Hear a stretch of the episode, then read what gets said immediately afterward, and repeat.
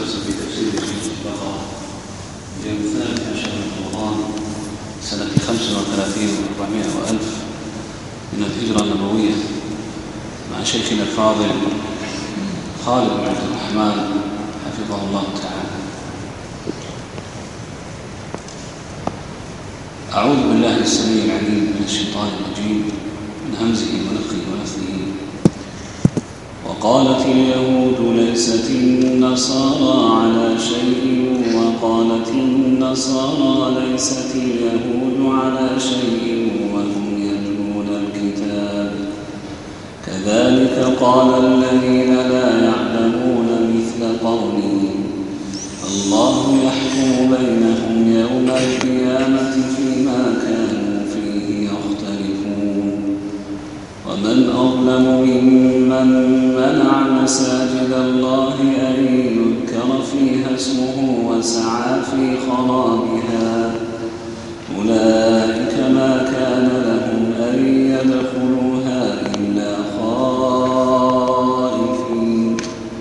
لهم في الدنيا خزي ولهم في الآخرة عذاب عظيم. ولله تولوا فثم وجه الله إن الله واسع عليم. وقالوا اتخذ الله ولدا.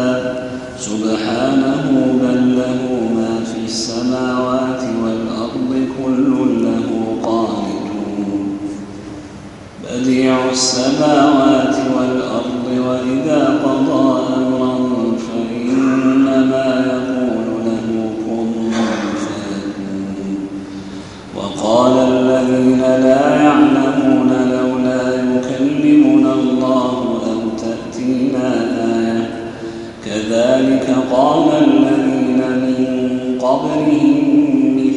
قولهم تشابهت قلوبهم قد بينا الآيات لقوم يوقنون إنا أرسلناك بالحق بشيرا ونذيرا ولا تسأل عن أصحاب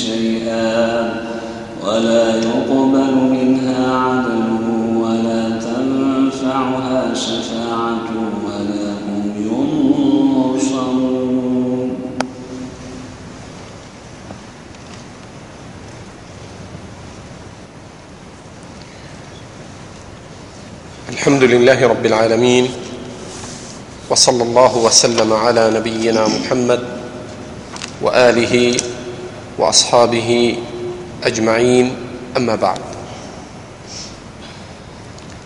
فبعد أن ذكر الله عز وجل ما يبطل دعوى اليهود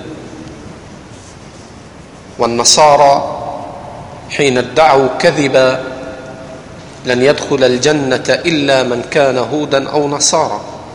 فكذبهم الله فقال بلى من أسلم وجهه لله وهو محسن فله أجره عند ربه ولا خوف عليهم ولا هم يحزنون.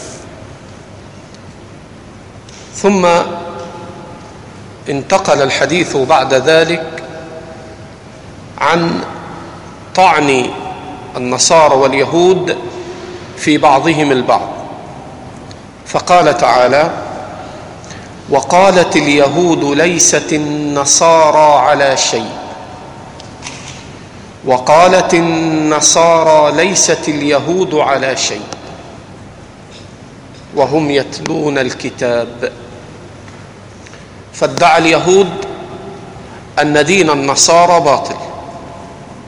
وادعى النصارى بأن دين اليهود باطل. وكفرت كل فرقة أختها. فكفر اليهود النصارى وكفرت النصارى اليهود. وقد روى الإمام الطبري بإسناده الثابت عن قتادة وجاء أيضا عند غير الطبري عن قتادة وجاء عن مجاهد وعن غيرهما من أئمة السلف من المفسرين في قوله تعالى وقالت اليهود ليست النصارى على شيء؟ قال قتادة بلى كان أول النصارى على شيء ولكنهم ابتدعوا وتفرقوا. ثم قرأ قتادة وقالت النصارى ليست اليهود على شيء. قال قتادة ولكنهم تفرقوا وابتدعوا. أي أن أول الأمر كان بعض اليهود على الحق وكذا بعض النصارى. ثم ما الذي حصل؟ انحرفوا وتفرقوا وابتدعوا. فلما تفرقوا وابتدعوا كما يقول قتادة وقع فيهم الضلال والكفر. فالابتداع والتفرق سببان للضلال عن منهج الحق. وكما حصل الابتداع والافتراق في اليهود وحصل أيضا في النصارى كذلك هو حاصل في أمة محمد صلى الله عليه وسلم. فقد ثبت من غير ما وجه وصححه الإمام الألباني وغيره أن النبي صلى الله عليه وسلم قال افترقت اليهود على إحدى وسبعين ملة. وفي رواية فرقه وافترقت النصارى على ثنتين وسبعين فرقه أو قال ملة. وستفترق هذه الأمة على ثلاث وسبعين فرقة وفي لفظ ملة. كلها في النار إلا واحدة. ثم قال صلى الله عليه وسلم وهي الجماعة. وروي فيما صحح الإمام الألباني أنه قال ما أنا عليه اليوم وأصحابي. فدين الله جل وعلا لا تفرق فيه. وقد نهى النبي صلى الله عليه وسلم الأمة عن التفرق. في هذا الحديث الصحيح محذرا أن الأمة حين تحصل فيها الفرق فقد شابه اليهود. وشابه النصارى في الابتداع والتفرق. وقد نهى الله عز وجل عباده عن التفرق والتحزب فقال تعالى ولا تكونوا من المشركين من الذين فرقوا دينهم وكانوا شيعا كل حزب بما لديهم فرحون. لا يجوز للمسلمين أن ينقسموا إلى جماعات وإلى أحزاب. لا جماعات لا جماعات إسلامية كما يقال ولا أحزاب سياسية. يطعن بعضهم في بعض ويضلل بعضهم بعضا. لذلك إذا رأيت الرجل يدعو إلى جماعة ويتعصب لها ويدعو ويوالي عليها وإليها في غير ما يدعو إلى السنة وإلى ما كان عليه أصحاب النبي صلى الله عليه وسلم فاعلم أنه منحرف عن دين الله.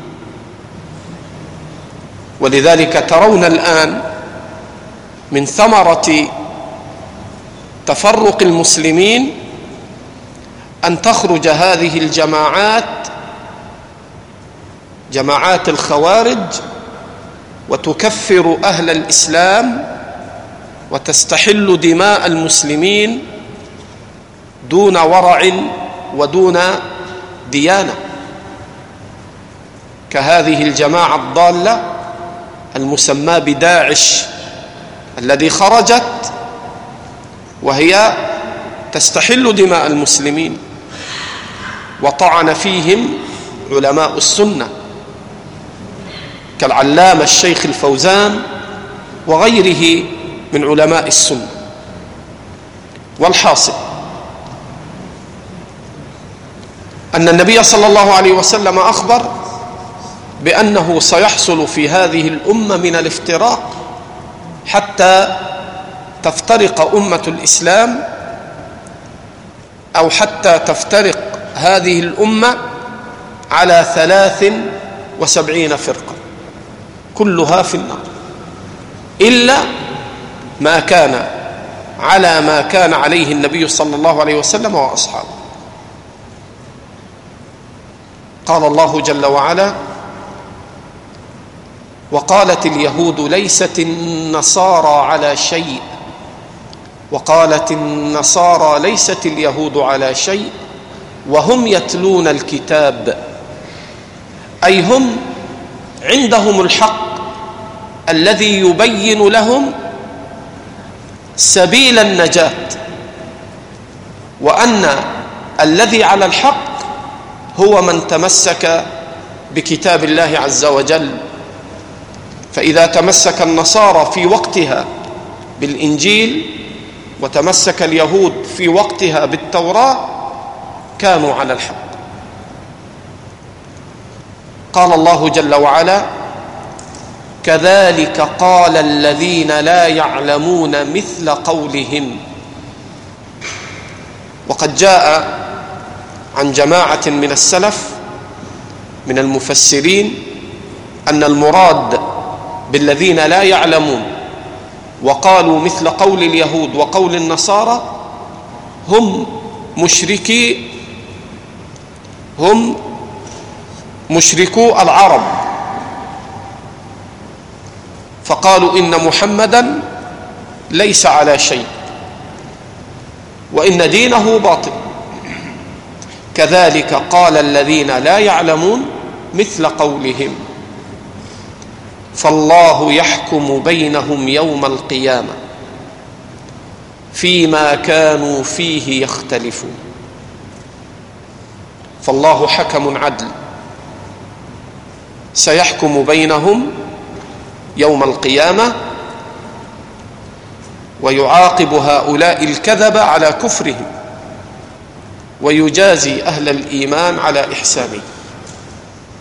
وقد ثبت فيما صحح الإمام الألباني وغيره أن رجلا من الصحابة رضي الله عنه كان يدعى أبا الحكم فقال له النبي صلى الله عليه وسلم لم سميت بأبي الحكم؟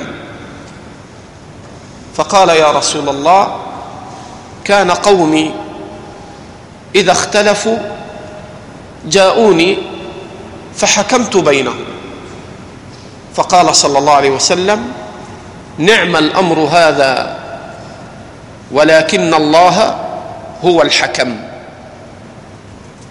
فنهاه أن يتسمى بأبي الحكم لأن الله هو الحكم سبحانه وتعالى الذي يحكم بين عباده.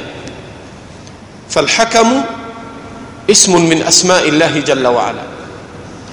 اتصف به وتسمى به وأن الله يحكم بين عباده يوم القيامة فيما كانوا فيه يختلفون.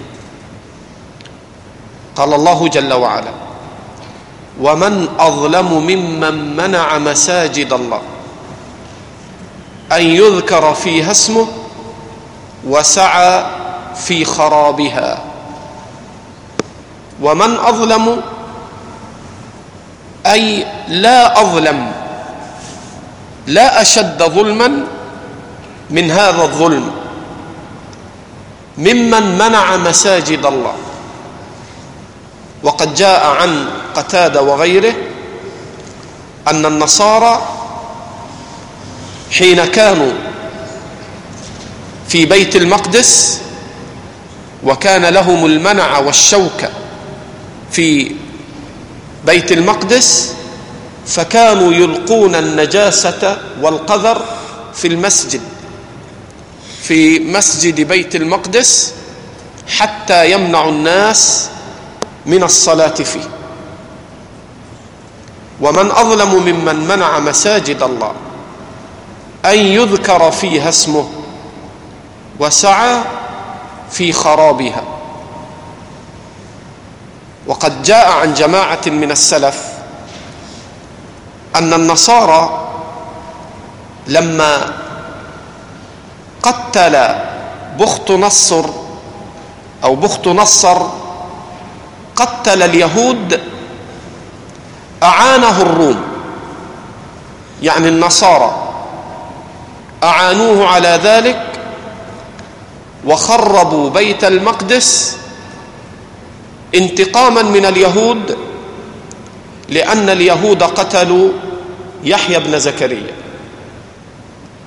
فتحالف النصارى وهم الروم مع بخت نصر هذا على قتل اليهود وعلى تخريب بيت المقدس. فقال تعالى ومن أظلم ممن منع مساجد الله أن يذكر فيها اسمه وسعى في خرابها. أولئك ما كان لهم أن يدخلوها إلا خائفين.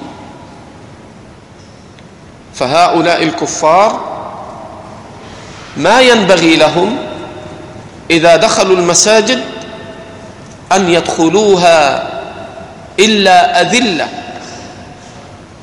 مقهورين مغلوبين خائفين. لا أن يدخلوا المساجد إذا دخلوها وهم أعزة أقوياء معتدون هذا لا ينبغي لهم. فالآية تخبر عن الحكم الشرعي لا عن الأمر القدري. الأمر القدري قد يدخل الكافر مساجد المسلمين ويعتدي ويقتل كما يفعل اليهود الآن في بيت المقدس في فلسطين. فقد يدخل المسجد معتديا قاتلا معتزا بقوته. فهذا أمر قدري. أما شرعا فإن الأصل إذا تمكن المسلمون أنهم لا يأذنون لكافر أن يدخل المسجد إلا ذليلا خائفا وجلا أن يعاقب إذا أراد سوءا بالمسلمين. وفي هذه الآية إشارة إلى أنه يجوز للكافر أن يدخل المسجد. وقد بوب الإمام البخاري في بعض تبويباته فقال باب ربط الأسير في المسجد. وذكر الإمام البخاري حديث ثمامة بن أثال وكان كافرا ثم جيء به فربط في سارية من سوار المسجد. فيجوز دخول الكافر المسجد إذا كان في ذلك ما يدعو إليه. وأما المسجد الذي يحرم أن يدخلوه فهو المسجد الحرام. يا أيها الذين آمنوا إنما المشركون نجس فلا يقربوا المسجد الحرام بعد عامهم هذا. فالمسجد الحرام مسجد الكعبة هو الذي لا يحل أن يدخله أحد من الكفار. فإنهم كانوا قبل ذلك العام يدخلون. فقال تعالى يا أيها الذين آمنوا إنما المشركون نجس فلا يقربوا المسجد الحرام بعد عامهم هذا. فبعد ذاك العام حرم على المشركين أن يدخلوا المسجد الحرام. وأما ما عدا المسجد الحرام فيجوز أن يدخل الكافر المسجد إذا دعا إلى ذلك حاجة وهو مذهب طائفة من أهل العلم. وقد بوب على ذلك الإمام البخاري في صحيحه كما تقدم فقال الإمام البخاري باب ربط الأسير في المسجد. وقد انتزع بعض أهل العلم أن المسلم له أن يدخل المسجد وإن كان جنبا. وقد ثبت قال كنا ندخل المسجد ونحن جنب فنتوضأ. كنا ندخل المسجد ونحن جنب فنتوضأ. وهذه المسألة بابها في تفاصيل مسائل الفقه.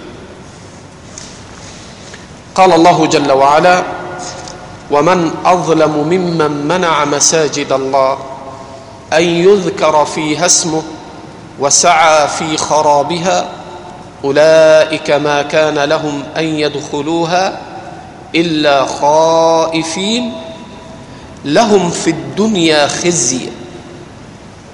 وقد جاء عن جماعة من السلف أن خزيهم في الدنيا دفعهم الجزية والخزي أعم من الجزية والجزية من الخزي. قال الله جل وعلا ولهم في الآخرة عذاب عظيم. ولله المشرق والمغرب فأينما تولوا فثم وجه الله إن الله واسع عليم. وقد أخرج الإمام مسلم في صحيحه من حديث عبد الله بن عمر رضي الله عنهما قال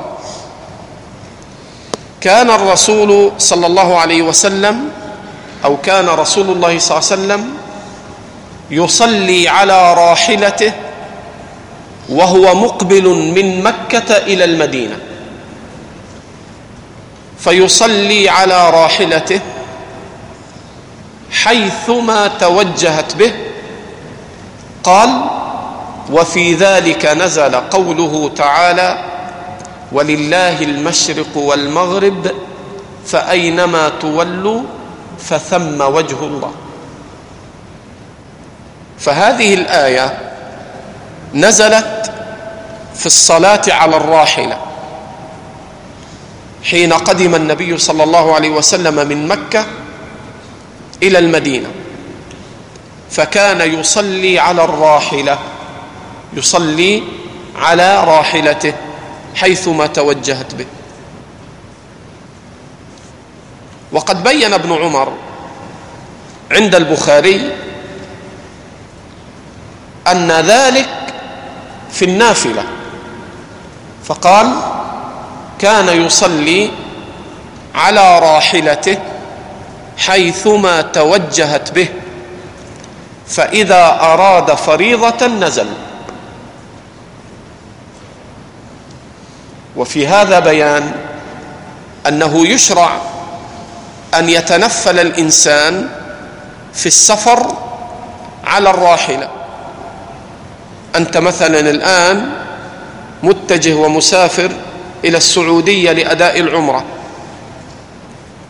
ومعك السيارة فلك أن تتنفل في سيارتك سواء كنت أنت السائق أو كنت بجانبه. فإن النبي صلى الله عليه وسلم هو الذي كان يقود الراحلة ويصلي. ولا شك أن الراحلة تحتاج إلى توجيه من الذي يقودها. فاغتفر هذا في مثل هذا الموضع. فلك أن تتنفل وأنت تقود السيارة. أو لك أن تتنفل وأنت بجانب قائد السيارة. وأما الفريضة فلا بد أن توقف السيارة وتنزل وتصلي وتتجه إلى جهة القبلة. فالنافل فالنافلة بابها أهون. تتنفل إن تيسر لك جهة القبلة وإن لم يتيسر فتصلي حيثما توجهت به توجهت إليه راحلتك وفي هذا نزل قوله تعالى ولله المشرق والمغرب فأينما تولوا فثم وجه الله. إن الله واسع عليم.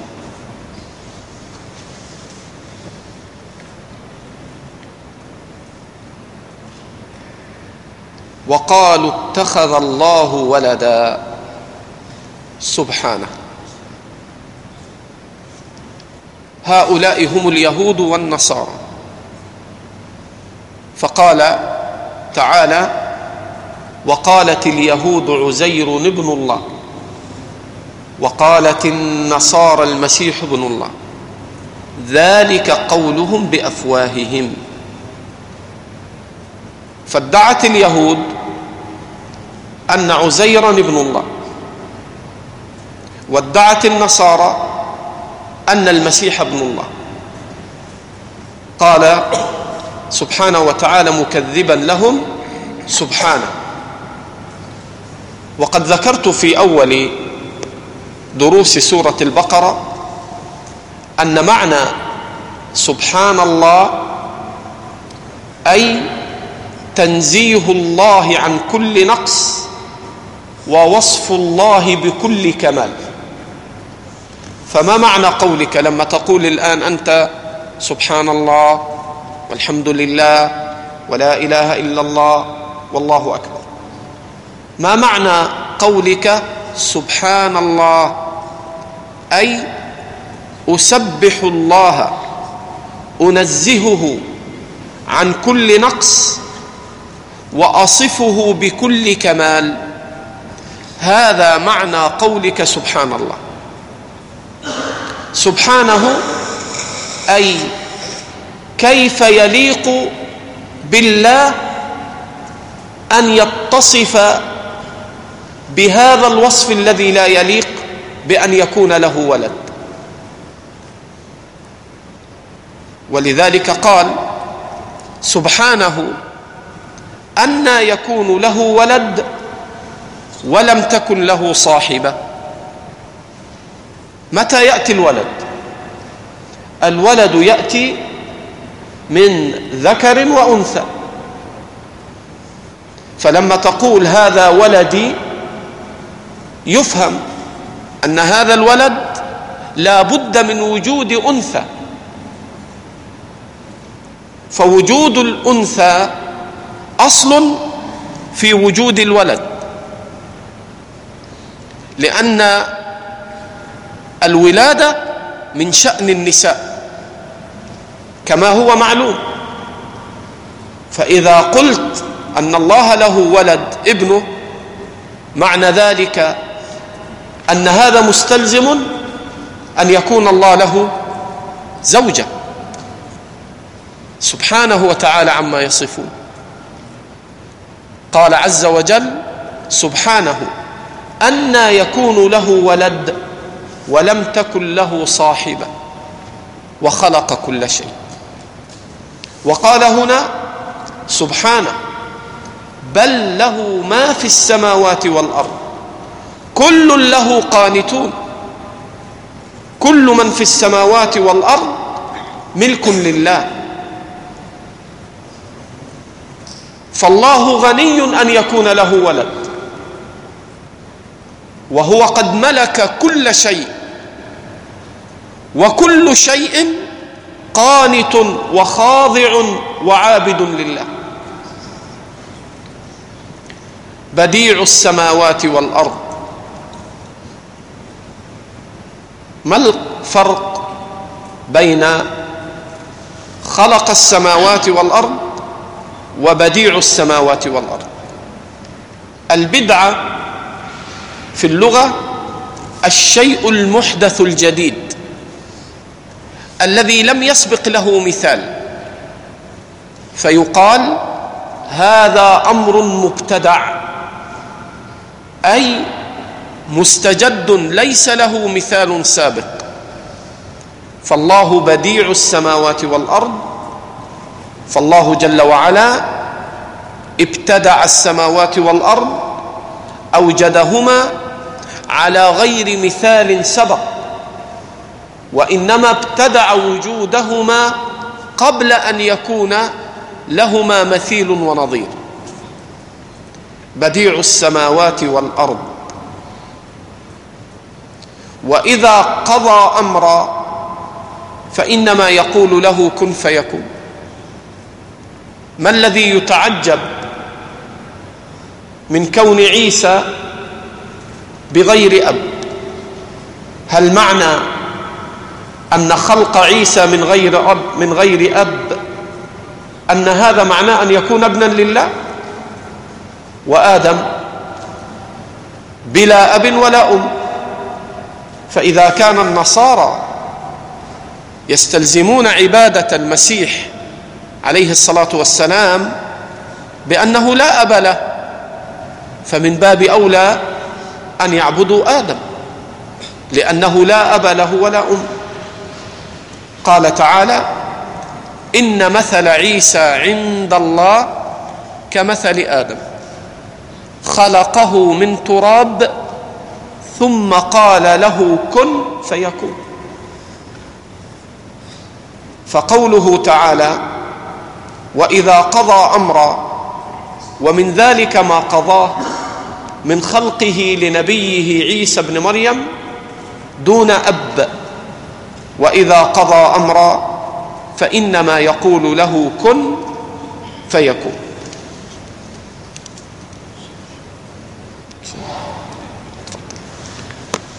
جزاك الله خيرا شيخنا. هنا سؤال. قوله تعالى فثم وجه الله. ما هو اعتقاد أهل السنة والجماعة في إضافة الوجه إلى الرب تبارك وتعالى؟ وجه الله في قوله تبارك وتعالى كل من عليها فان ويبقى وجه ربك ذو الجلال والإكرام. فوجه الله هو صفة من صفات ذات الرب جل وعلا. وقد جاء في الحديث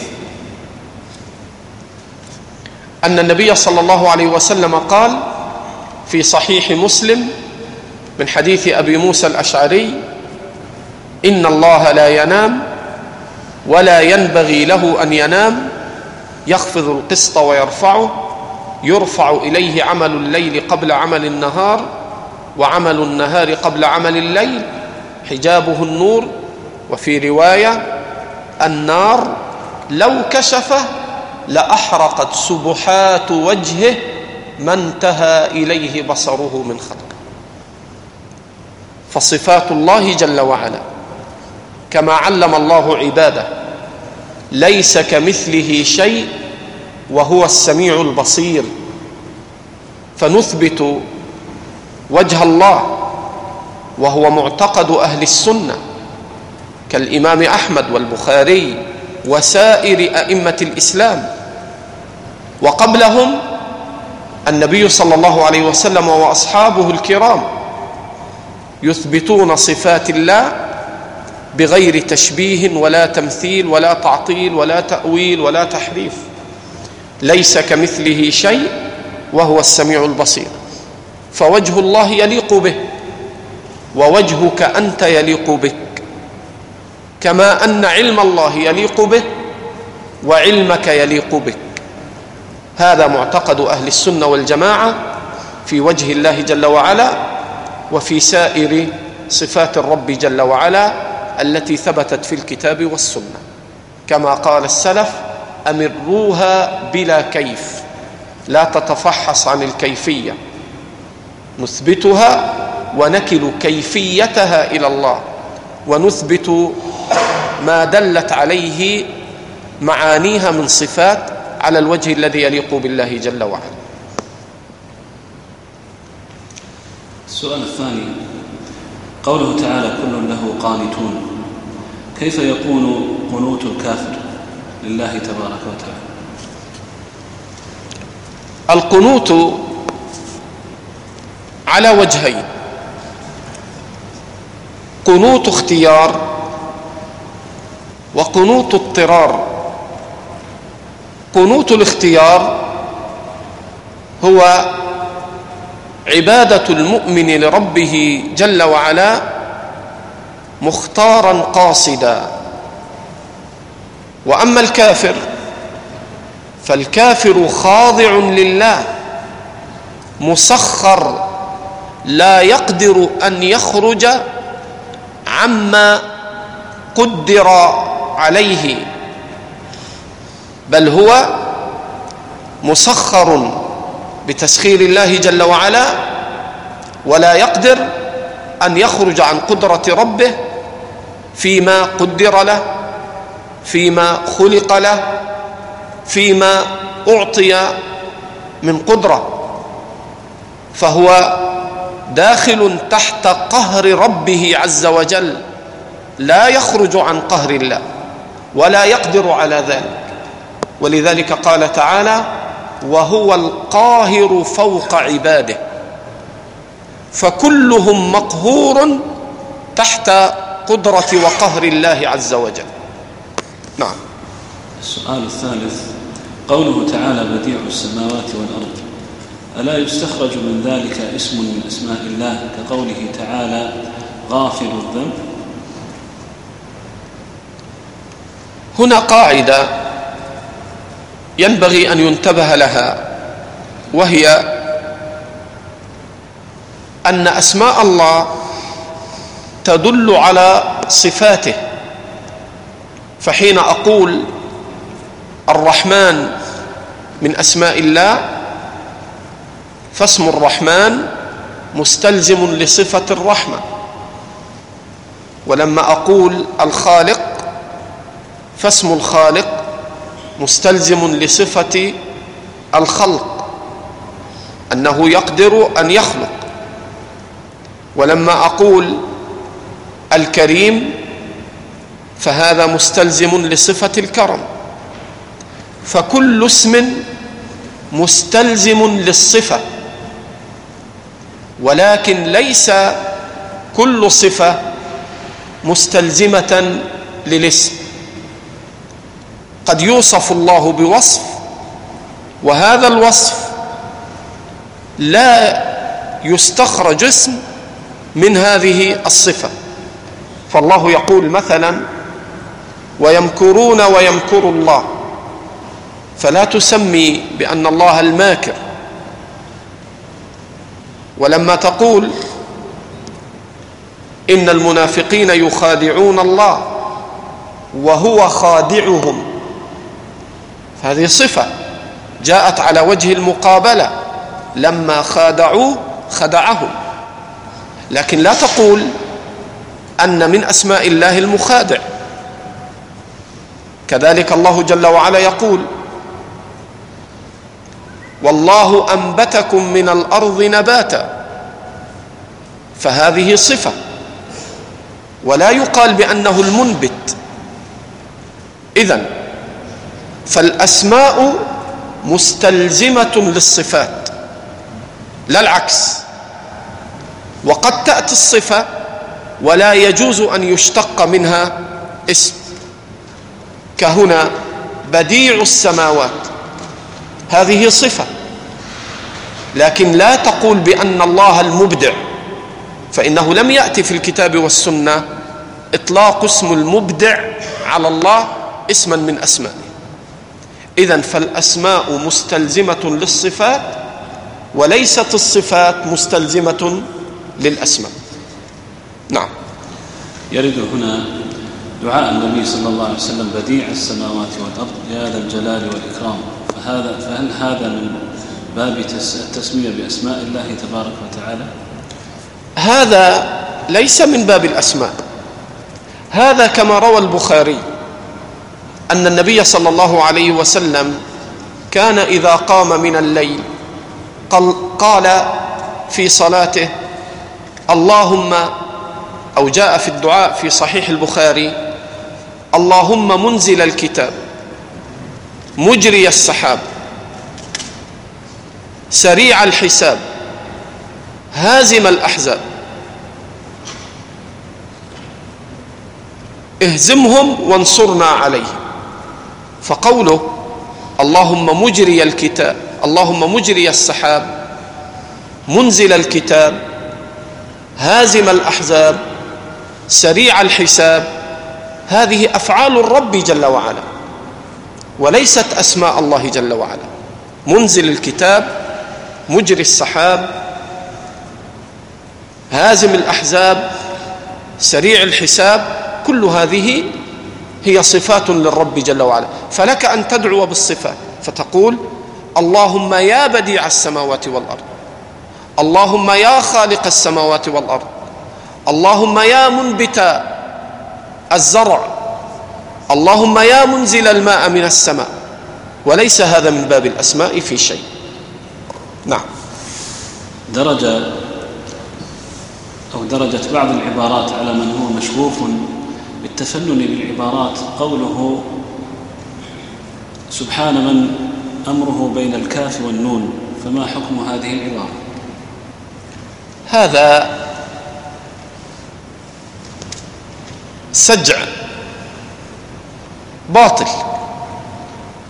حين تقول أمره بين الكاف والنون إيش يتصور من هذا؟ الأمر هو الكاف والنون نفسها. ولذلك يقول وإذا قضى امرا فإنما يقول له كن. كن فعل أمر. يراد به التكوين ويراد به المكون أي كن موجودا قائما. فلما يقول أمره بين الكاف والنون فجعل الأمر ليس هو الكاف والنون. وجعل الأمر واسط بين الكاف والنون. وكل هذا خطأ. وإنما الأمر نفسه هو قوله كن. لا أن أمره كائن بين الحرفين. هذا تكلف وجه. وإنما نقول كما قال الله تعالى أن أمر الله كن فيكون. وما أمرنا إلا واحدة كلمح بالبصر. يقول كن فيكون. أما تقول سبحان من كذا وكذا مثل ما يقولون كان الله ولا مكان وهو على ما كان قبل خلق المكان لم يتغير عما كان. سجع كسجع الكهان. أبواب الاعتقاد يوقف بها مع النصوص وما جاء عن السلف الصالح.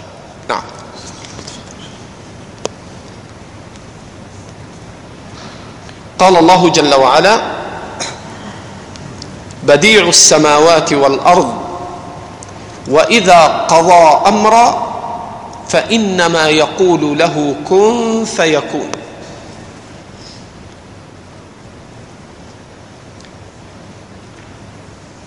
وقد استدل بهذه الآية أهل السنة على أن كلام الله صفة لله وليس بمخلوق. وردوا على الجهمية الكفار الذين قالوا بأن القرآن مخلوق. فاستدلوا بهذه الآية ومثيلاتها على أن كلام الله صفة للرب جل وعلا غير مخلوق. كيف؟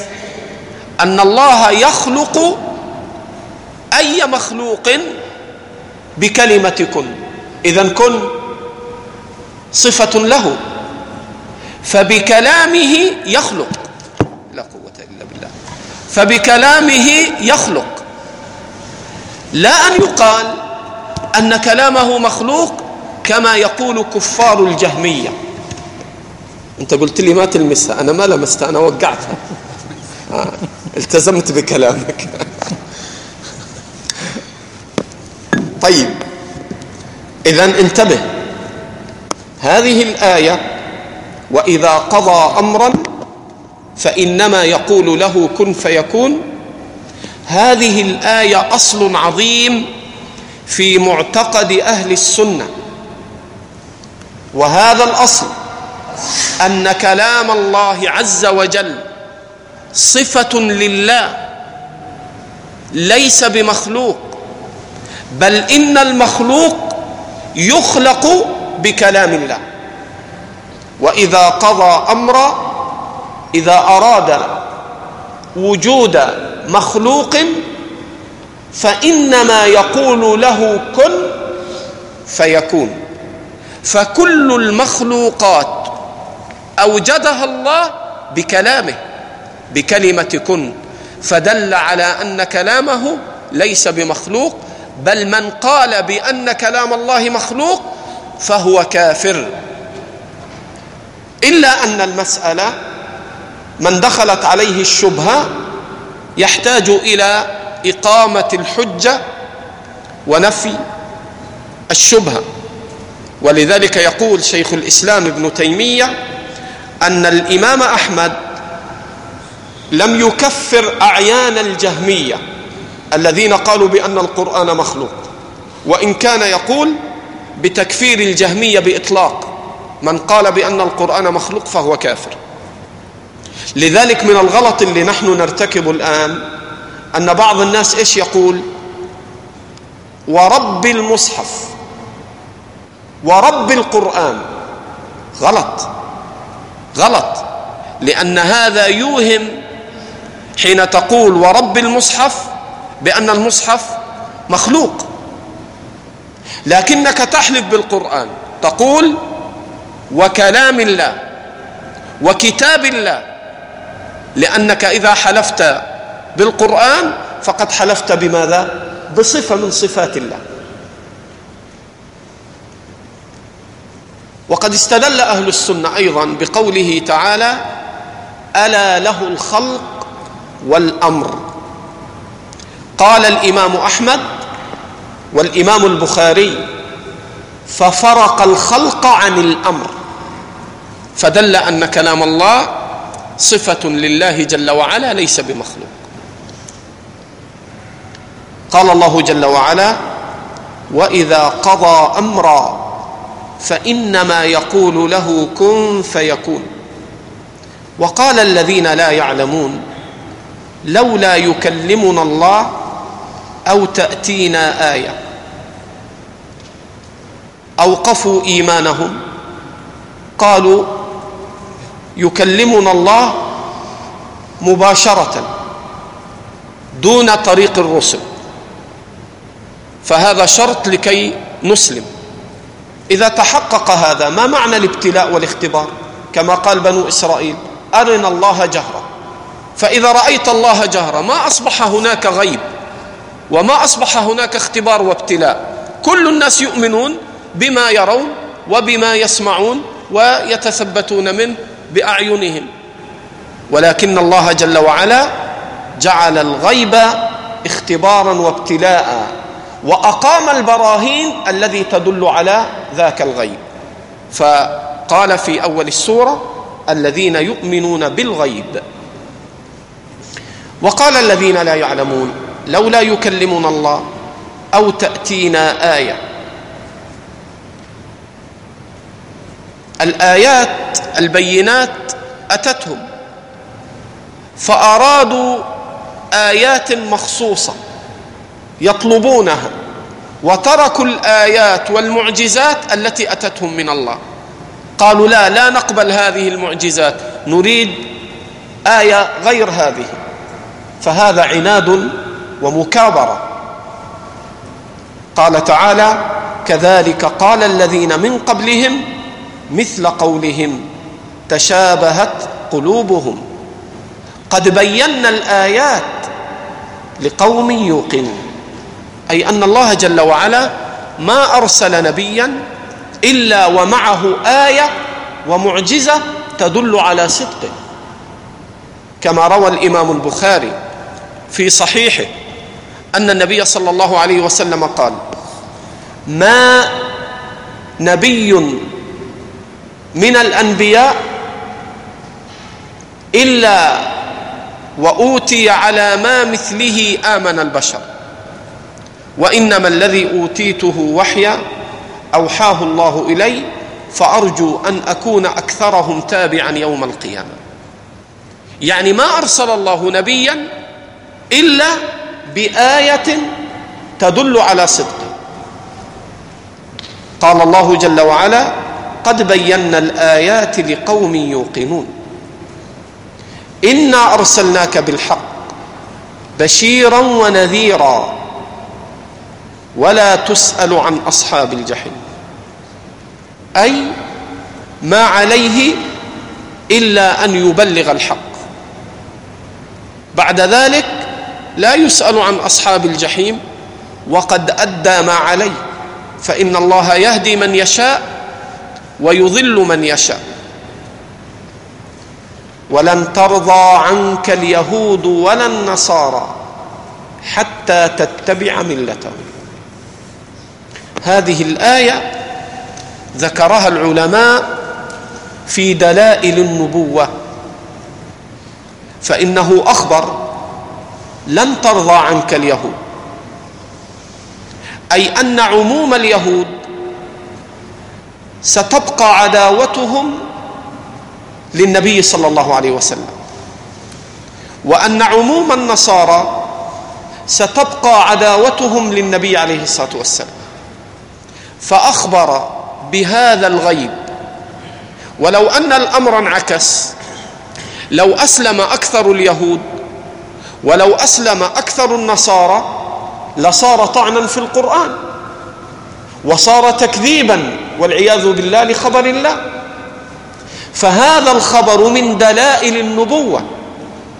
فإنه من المعلوم أن في زمن النبي صلى الله عليه وسلم إنما أسلم أفراد قليلون من اليهود وإنما أسلم أفراد قليلون من النصارى. وقد ثبت في صحيح مسلم أن النبي صلى الله عليه وسلم قال لو آمن بي عشرة من اليهود لآمنت اليهود كلها أو قال لما بقي يهودي إلا آمن رواه مسلم.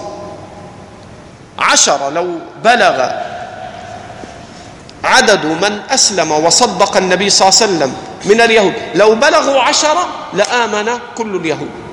مما يدلك كما قال تعالى ولن ترضى عنك اليهود بينما لما تعكس الأمر مشركو قريش رضوا عن النبي صلى الله عليه وسلم أم ما رضوا.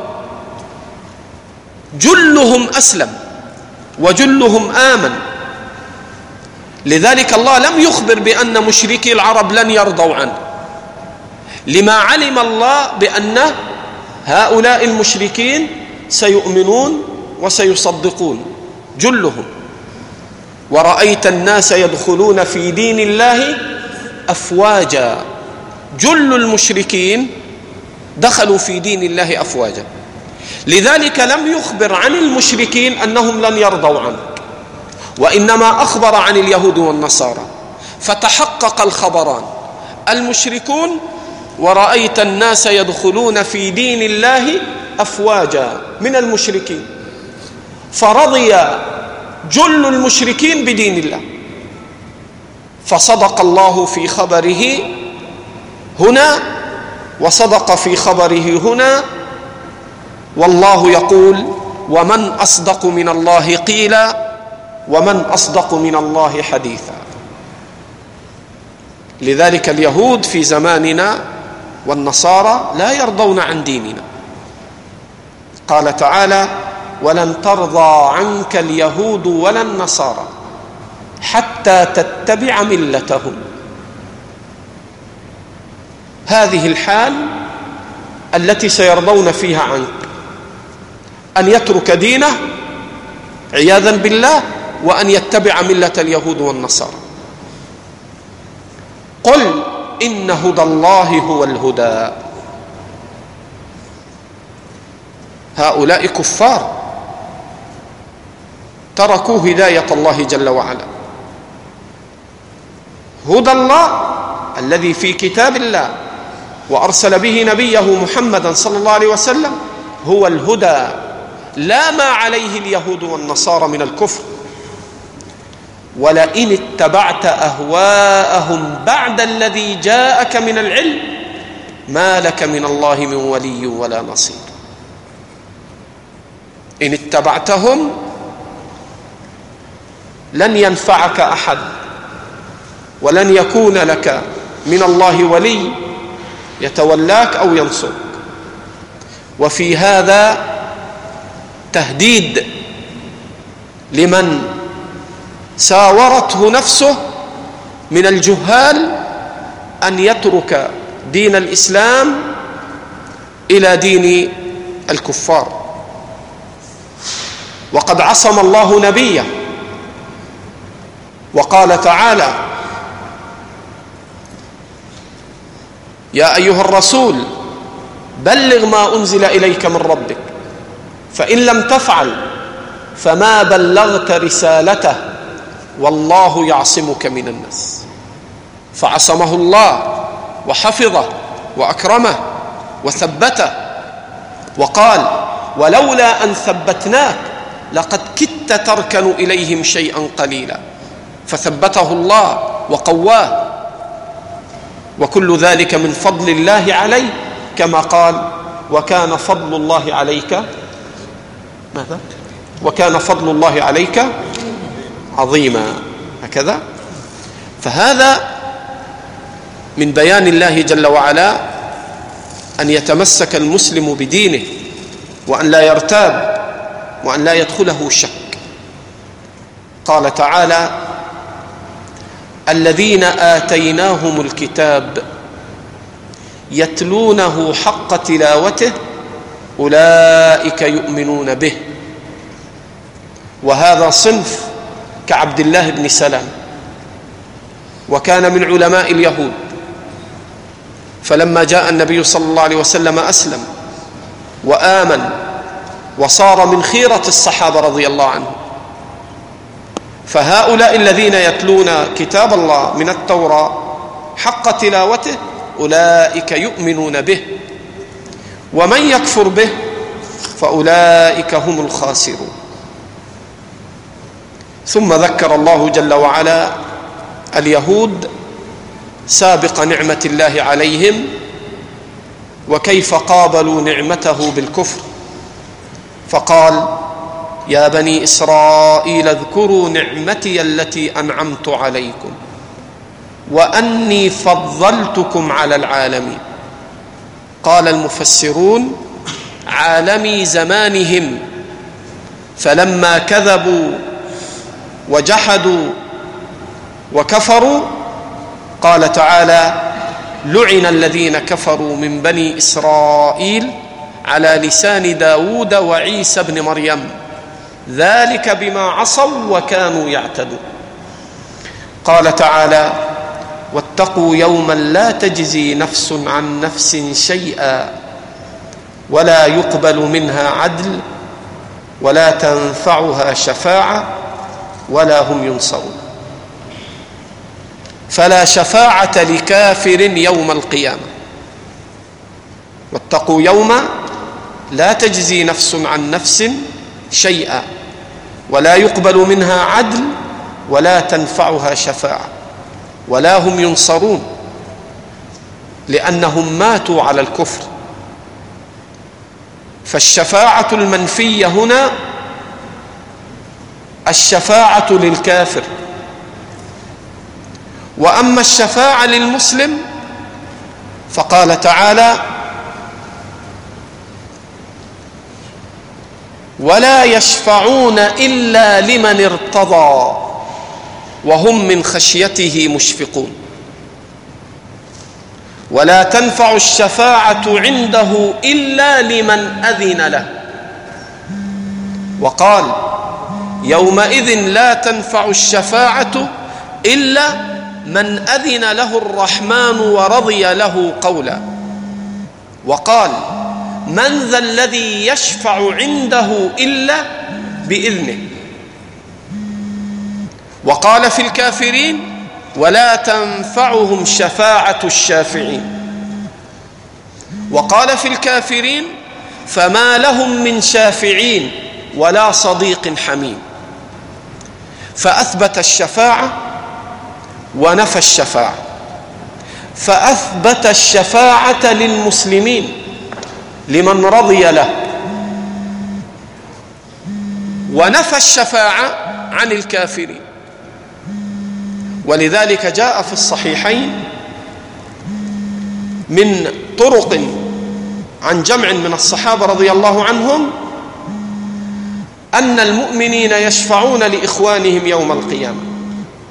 فالحديث في الصحيحين من حديث أبي سعيد الخدري بعد أن تنتهي الشفاعات في إخراج العصاة من المؤمنين من النار يقول الله عز وجل شفعت الملائكة وشفع الأنبياء وشفع المؤمنون ولم يبق إلا شفاعة أرحم الراحمين فيقبض قبضة من النار فيخرج أقواما لم يعملوا خيرا قط فيدخلون الجنة. فيقول أهل الجنة هؤلاء عتقاء الرحمن أدخلهم الله الجنة. بغير عمل عملوه ولا خير قدموا. وهؤلاء هم المسلمون الذين أتوا باعتقاد القلب وإقرار اللسان وقصروا في العمل. وأما من كان كافرا فإنه لا شفاعة للكافر. قال الله جل وعلا واتقوا يوما لا تجزي نفس عن نفس شيئا ولا يقبل منها عدل ولا تنفعها شفاعة ولا هم ينصرون. والله أعلم. جزاكم الله خير جزاكم الله خيرا.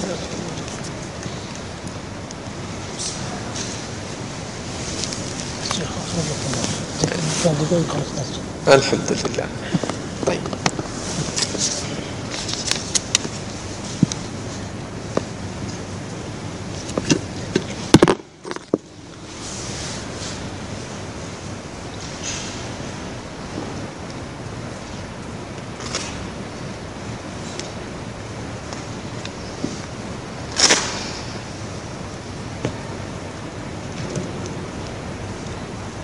ما فهمت السؤال؟ لو تعرف تقرأ يا أبو عبد الرحمن تغني. ما فهمت السؤال؟ يقول السائل فضيلة الشيخ ما المراد بملة اليهود في الآية؟ لأنه اشتهر أن اليهود لا يدعون إلى دينهم. فكيف يجمع بين هذا وبين قول الله في الآية أنهم لا أنهم لا يرضون حتى نتبع ملتهم. والله ما أظنك إلا أنه أنت مثلي فين صاحب السؤال تفضل سؤالك. شيخنا يقول الله عز وجل ولن ترضى عنك اليهود ولا النصارى حتى تتبع ملتهم. ويشتهر عن اليهود أنهم لا يدعون إلى دينهم. فما المراد بملتهم يعني التي لا يرضون عنا حتى نتبعها أو عن النبي عليه السلام حتى يتبعها؟ أعد السؤال شيخ يشتهر عن اليهود أنهم لا يدعون إلى دينهم نعم. ف والله عز وجل يقول ولن ترضى عنك اليهود آه، ولا النصارى حتى تتبع ملتهم.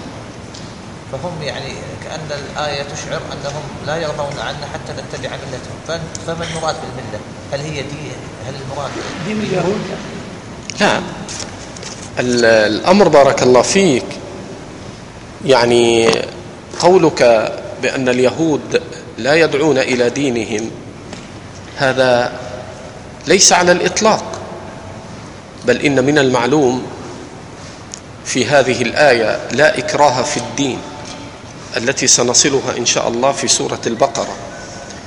فكانوا يهودون أبناءهم وكانت اليهود إذا ولد غلام للأنصار فكان يموت فينذر والده إن رزقني الله ولدا أن أهوده. فلما جاء الإسلام صار بعض أبناء الأنصار عند اليهود فارتحلوا بهم وأخذوهم. فالمسألة ليس كما تصف بأن اليهود لا يدعون إلى دينهم. الله جل وعلا بين ودوا ما عنتم. يعني أنهم ودوا لو تكفرون كما كفروا فتكونون سواء. فإذا كفر كما كفروا حينئذ يرضون سواء هم دعوه أو لم يدعوا. واضح؟ نعم. يقول هنا متى متى نستخرج الاسم من صفات الله؟ لا تستخرج أصلا. أسماء الله توقيفية. ما جاء في الكتاب والسنة من أسماء الله أطلقنا. ولا تستخرج الأسماء من الصفات إلا ما جاء في الكتاب والسنة من أسماء الله. وما لم يأتي في الكتاب والسنة من أسماء الله فيتوقف ولا يطلق على الله. وهذا الذي يقوله علماؤنا أن أسماء الله توقيفية. ما معنى توقيفية؟ أي يتوقف بها فيما ثبت في الكتاب والسنة. نعم. هنا بعض الأسئلة فيما يتعلق في رمضان. نعم. شيخنا؟ تفضل بسم الله. يقول السائل ما القول الراجح في مسألة؟ في مسألة المجنون إذا أفاق أو الصبي إذا احتلم في نهار رمضان. هل عليه القضاء؟ هذه مسألة كما أشرت فيها خلاف بين الفقهاء. فالصبي إذا احتلم في نهار رمضان هل يجب عليه القضاء؟ والمجنون إذا أفاق في نهار رمضان. وقد اختلف في هذا أهل العلم. والذي يظهر من الأدلة أنه قد فات الوقت بالنسبة لهذا الصبي فإنه قد فاته وقت الفرض.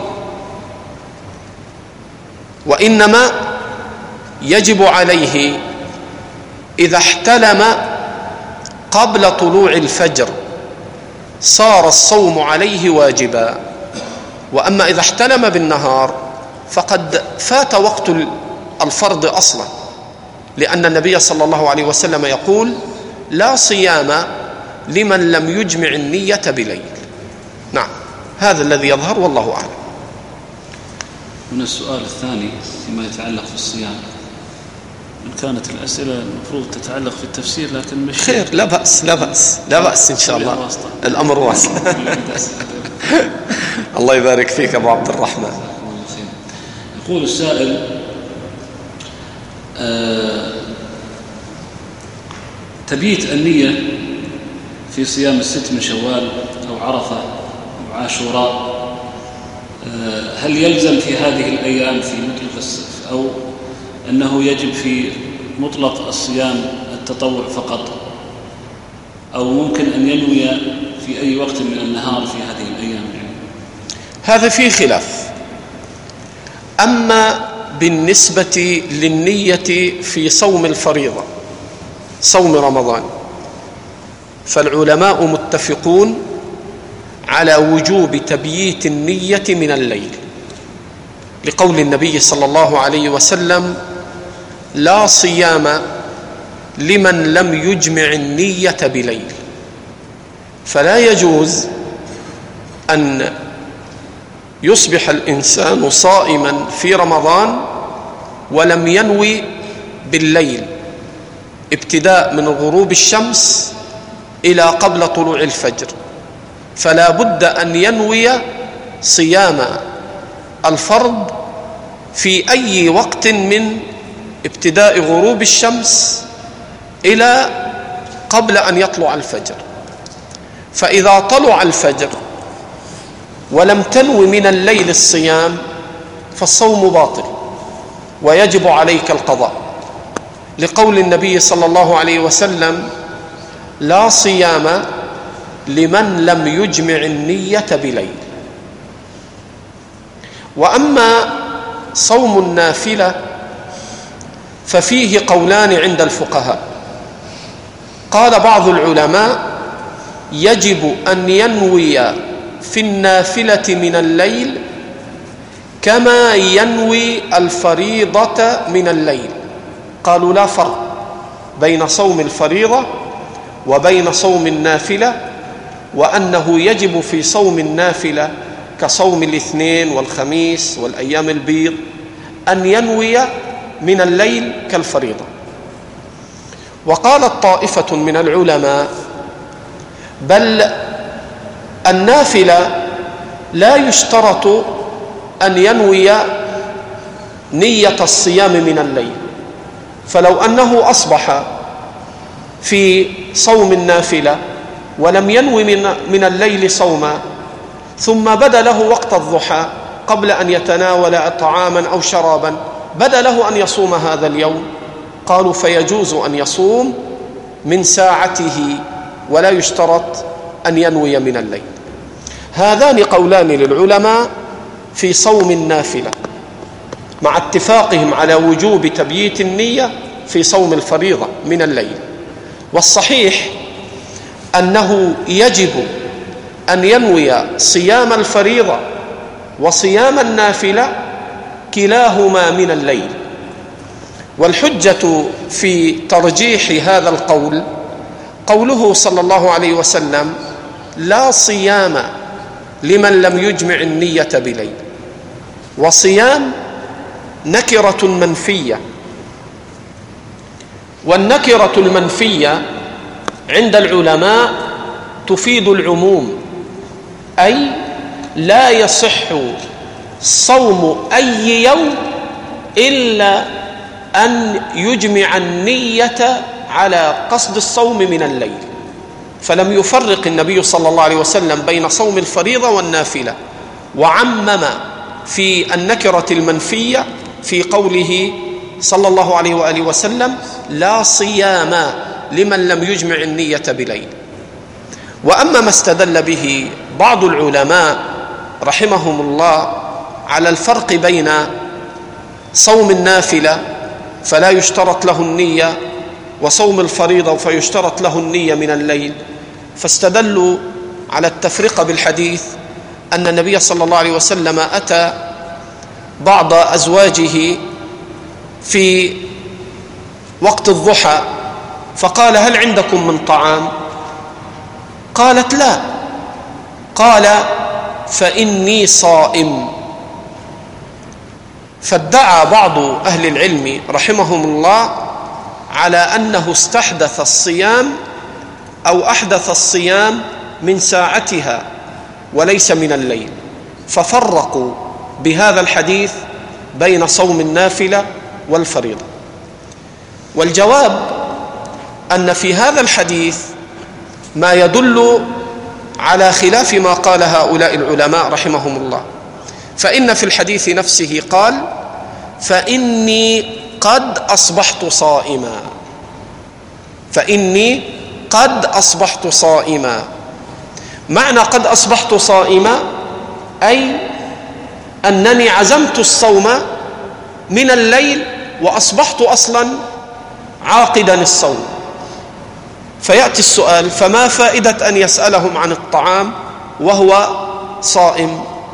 هذا جوابه أن النبي صلى الله عليه وسلم قال الصائم المتطوع أمير نفسه إن شاء صام وإن شاء أفطر. فقوله هل عندكم من طعام؟ مع أنه قد أصبح صائما دليل على أن المتنفل يجوز له أن يفطر. إن بدا لك أن تفطر وأنت صائم نافلة فلك ذلك. ولذلك هذا السبب أنه سأل هل عندكم طعام؟ قالت لا. قال فإني قد أصبحت صائما. والحاصل أنه يجب أن يجمع النية على الصيام قبل الفجر سواء سواء في رمضان أو في نافلة. لا فرق بينهما على أصح قولي العلماء. والله أعلم. تفضل.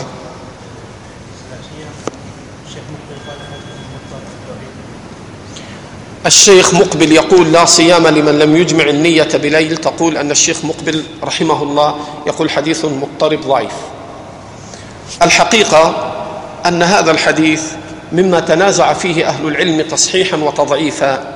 ولا شك أن الذي مال إليه جماعة من الأئمة كالإمام الألباني وغيره إلى تصحيح الحديث. فهذا الذي نتبناه وهذا الذي نحى إليه بعض أهل العلم في تصحيح هذا الحديث.